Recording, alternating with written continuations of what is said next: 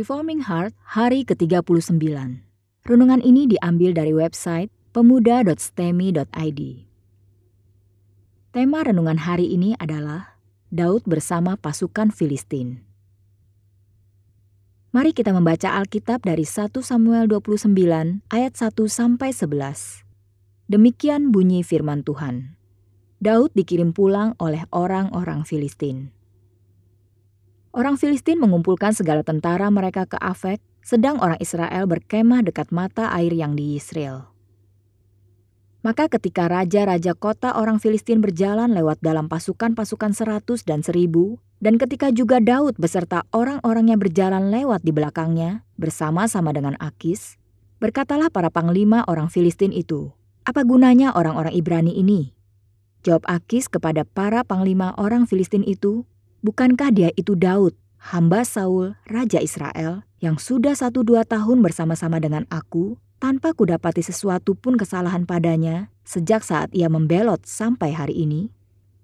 Tetapi para panglima orang Filistin itu menjadi marah kepadanya, serta berkata kepadanya, Suruhlah orang itu pulang, supaya ia kembali ke tempat yang kau tunjukkan kepadanya, dan janganlah ia pergi berperang bersama-sama dengan kita, supaya jangan ia menjadi lawan kita dalam peperangan. Sebab dengan apakah orang ini dapat menyukakan hati tuannya, kecuali dengan memberi kepala-kepala orang-orang ini? Bukankah dia ini Daud yang dinyanyikan orang secara berbalas-balasan sambil menari-nari demikian? Saul mengalahkan beribu-ribu musuh, tetapi Daud berlaksa-laksa. Lalu Akis memanggil Daud dan berkata kepadanya, Demi Tuhan yang hidup, Engkau ini orang jujur dan aku memandang baik. Jika engkau keluar masuk bersama-sama dengan aku dalam tentara, sebab aku tidak mendapati sesuatu kejahatan padamu sejak saat engkau datang kepadaku sampai hari ini. Tetapi engkau ini tidak disukai oleh raja-raja kota. Sebab itu, pulanglah, pergilah dengan selamat, dan jangan lakukan apa yang jahat di mata raja-raja kota orang Filistin itu. Tetapi Daud berkata kepada Akis, apa yang telah kuperbuat dan kesalahan apa yang kau dapati pada hambamu ini sejak saat aku menjadi hamba kepadamu sampai hari ini, sehingga aku tidak boleh ikut pergi berperang melawan musuh tuanku raja? Lalu Akis menjawab Daud, Aku tahu engkau ini memang kusukai seperti utusan Allah. Hanya para panglima orang Filistin telah berkata, ia tidak boleh pergi berperang bersama-sama dengan kita. Jadi, bangunlah pagi-pagi beserta orang-orang tuanmu ini yang datang bersama-sama dengan engkau. Bangunlah kamu pagi-pagi, segera sesudah hari cukup terang bagimu, dan pergilah. Lalu bangunlah Daud dan orang-orangnya pagi-pagi untuk berjalan pulang ke negeri orang Filistin. Sedang orang Filistin itu bergerak maju ke Yisrael. Mari kita merenungkan bagian firman ini. Mari kita perhatikan beberapa tempat dalam bagian ini dan juga di dalam 1 Samuel 31 ayat 1 yang berbunyi demikian. Sementara itu orang Filistin berperang melawan orang Israel. Orang-orang Israel melarikan diri dari hadapan orang Filistin dan banyak yang mati terbunuh di pegunungan Gilboa. Dikatakan bahwa Daud berjalan dari Sikla ke Afek. Ini merupakan separuh perjalanan menuju daerah Israel.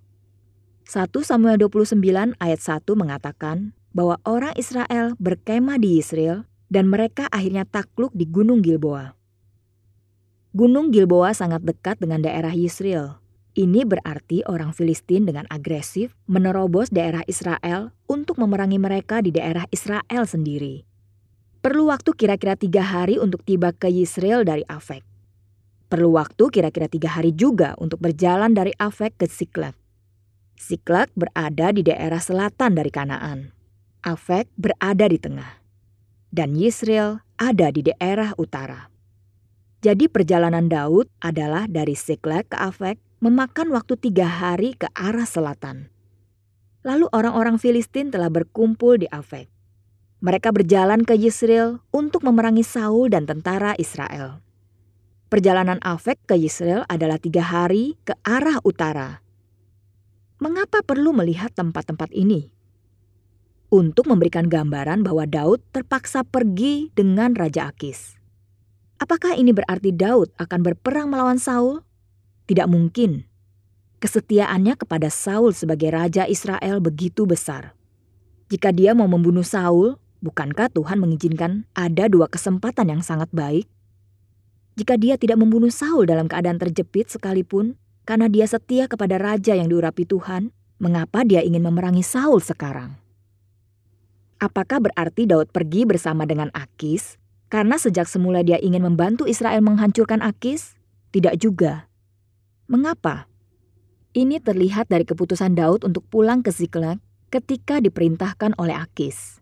Dia tidak berputar lalu menyusul orang Filistin untuk menolong Israel memerangi Filistin. Jika dia perlu tiga hari untuk kembali ke Ziklag, maka dia tidak akan punya kesempatan untuk menyusul ke Israel guna membantu orang Israel. Jadi di manakah posisi Daud? Daud sebenarnya enggan pergi berperang. Tetapi kalau dia terpaksa harus berangkat perang, maka Daud akan mengambil posisi seperti orang-orang Ibrani yang kembali setia kepada Raja Israel dan berbalik memerangi Filistin. Tetapi jika dia memang bisa terlepas dari peperangan ini, maka dia lebih memilih berdiam di Siklag dan tidak terlibat pertempuran sama sekali. Dalam ayat 4 dikatakan bahwa para pemimpin Filistin telah belajar dari kesetiaan palsu orang-orang Ibrani. Ini seperti tertulis di dalam 1 Samuel 14 ayat 21. Yang berbunyi demikian. Lagi pula orang-orang Ibrani yang telah lama tinggal pada orang Filistin dan yang telah ikut maju dalam tentara mereka, mereka juga berbalik untuk bergabung dengan orang-orang Israel yang ada bersama-sama dengan Saul dan Yonatan. Keadaan akan makin bahaya kalau orang Ibrani itu adalah Daud yang pernah membantai begitu banyak orang Filistin ketika masih menjadi salah satu panglima dari Saul. Maka atas perintah para pemimpin Filistin, Akis menyuruh Daud untuk pulang ke Siklek. Perhatikan kalimat Akis dalam ayat 6. Dia mengatakan, Demi Tuhan yang hidup. Dia menyebut nama Yahweh, Allah Israel. Mengapa dia melakukan itu?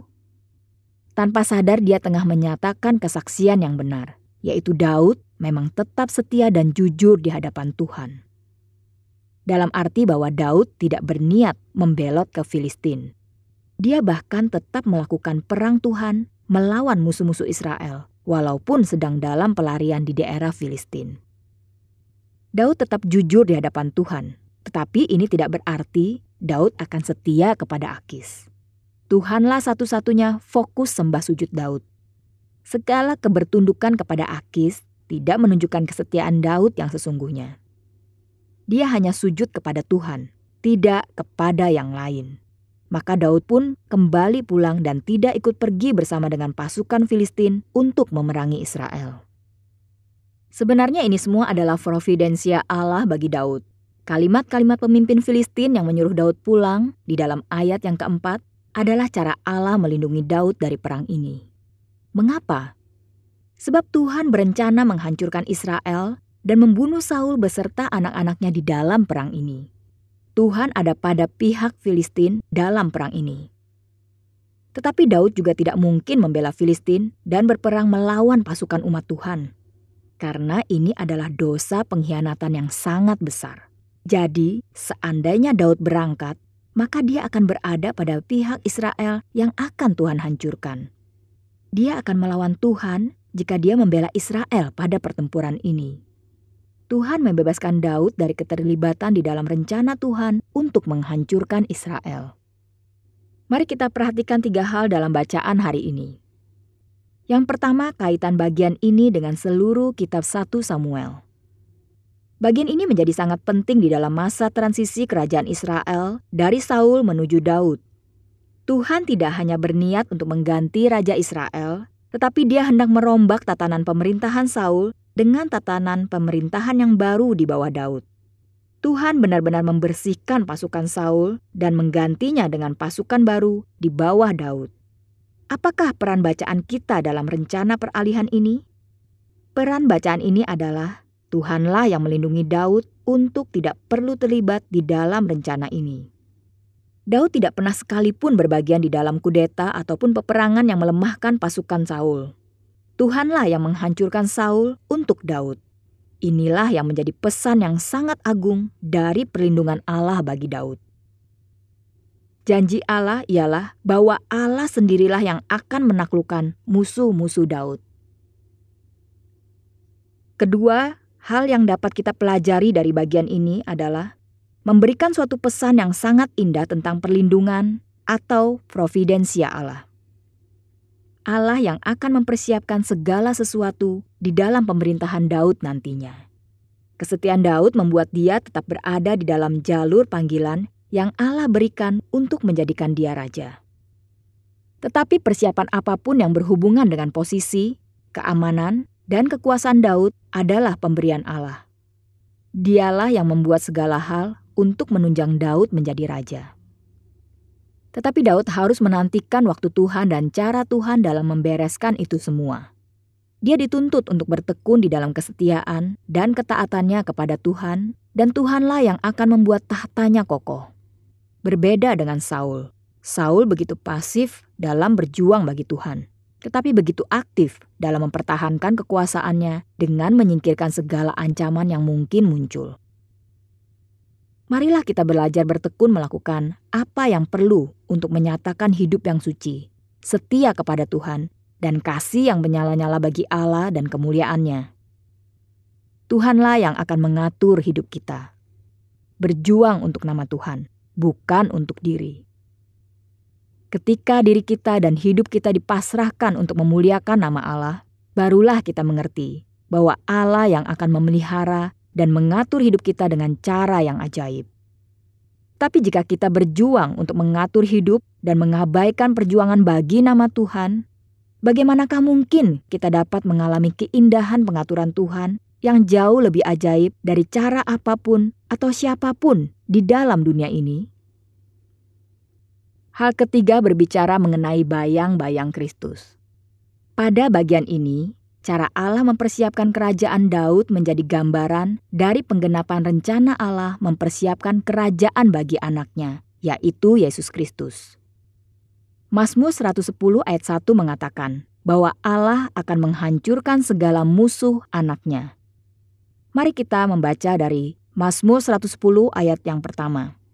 Mazmur Daud, demikianlah firman Tuhan kepada Tuanku, Duduklah di sebelah kananku, sampai kubuat musuh-musuhmu menjadi tumpuan kakimu. Apa yang dilakukan sang anak? Sang anak duduk di sebelah kanan Allah Bapa. Bapa yang mengerjakan semua demi kemuliaan anak. Mengapa begitu? Karena yang dikerjakan anak semuanya demi kemuliaan Bapa. Posisi duduk melambangkan selesainya tugas yang harus dikerjakan oleh sang anak. Mari kita juga melihat dari Ibrani 10 ayat 11 sampai ke 13. Demikian bunyi firman Tuhan. Selanjutnya setiap imam melakukan tiap-tiap hari pelayanannya dan berulang-ulang mempersembahkan korban yang sama, yang sama sekali tidak dapat menghapuskan dosa. Tetapi ia, setelah mempersembahkan hanya satu korban saja karena dosa, ia duduk untuk selama-lamanya di sebelah kanan Allah. Dan sekarang ia hanya menantikan saatnya di mana musuh-musuhnya akan dijadikan tumpuan kakinya. Lalu, kalau semua dikerjakan sang anak bagi bapaknya, siapa yang akan mempersiapkan tahta kerajaannya? Allah Bapa yang akan mengerjakannya bagi sang anak. Ini semua dilambangkan secara sementara oleh kehidupan Daud. Dia menanti Allah menghancurkan Saul dan memberikan tahta bagi Daud. Tapi ini terjadi karena Daud melakukan perang demi membela nama Allah.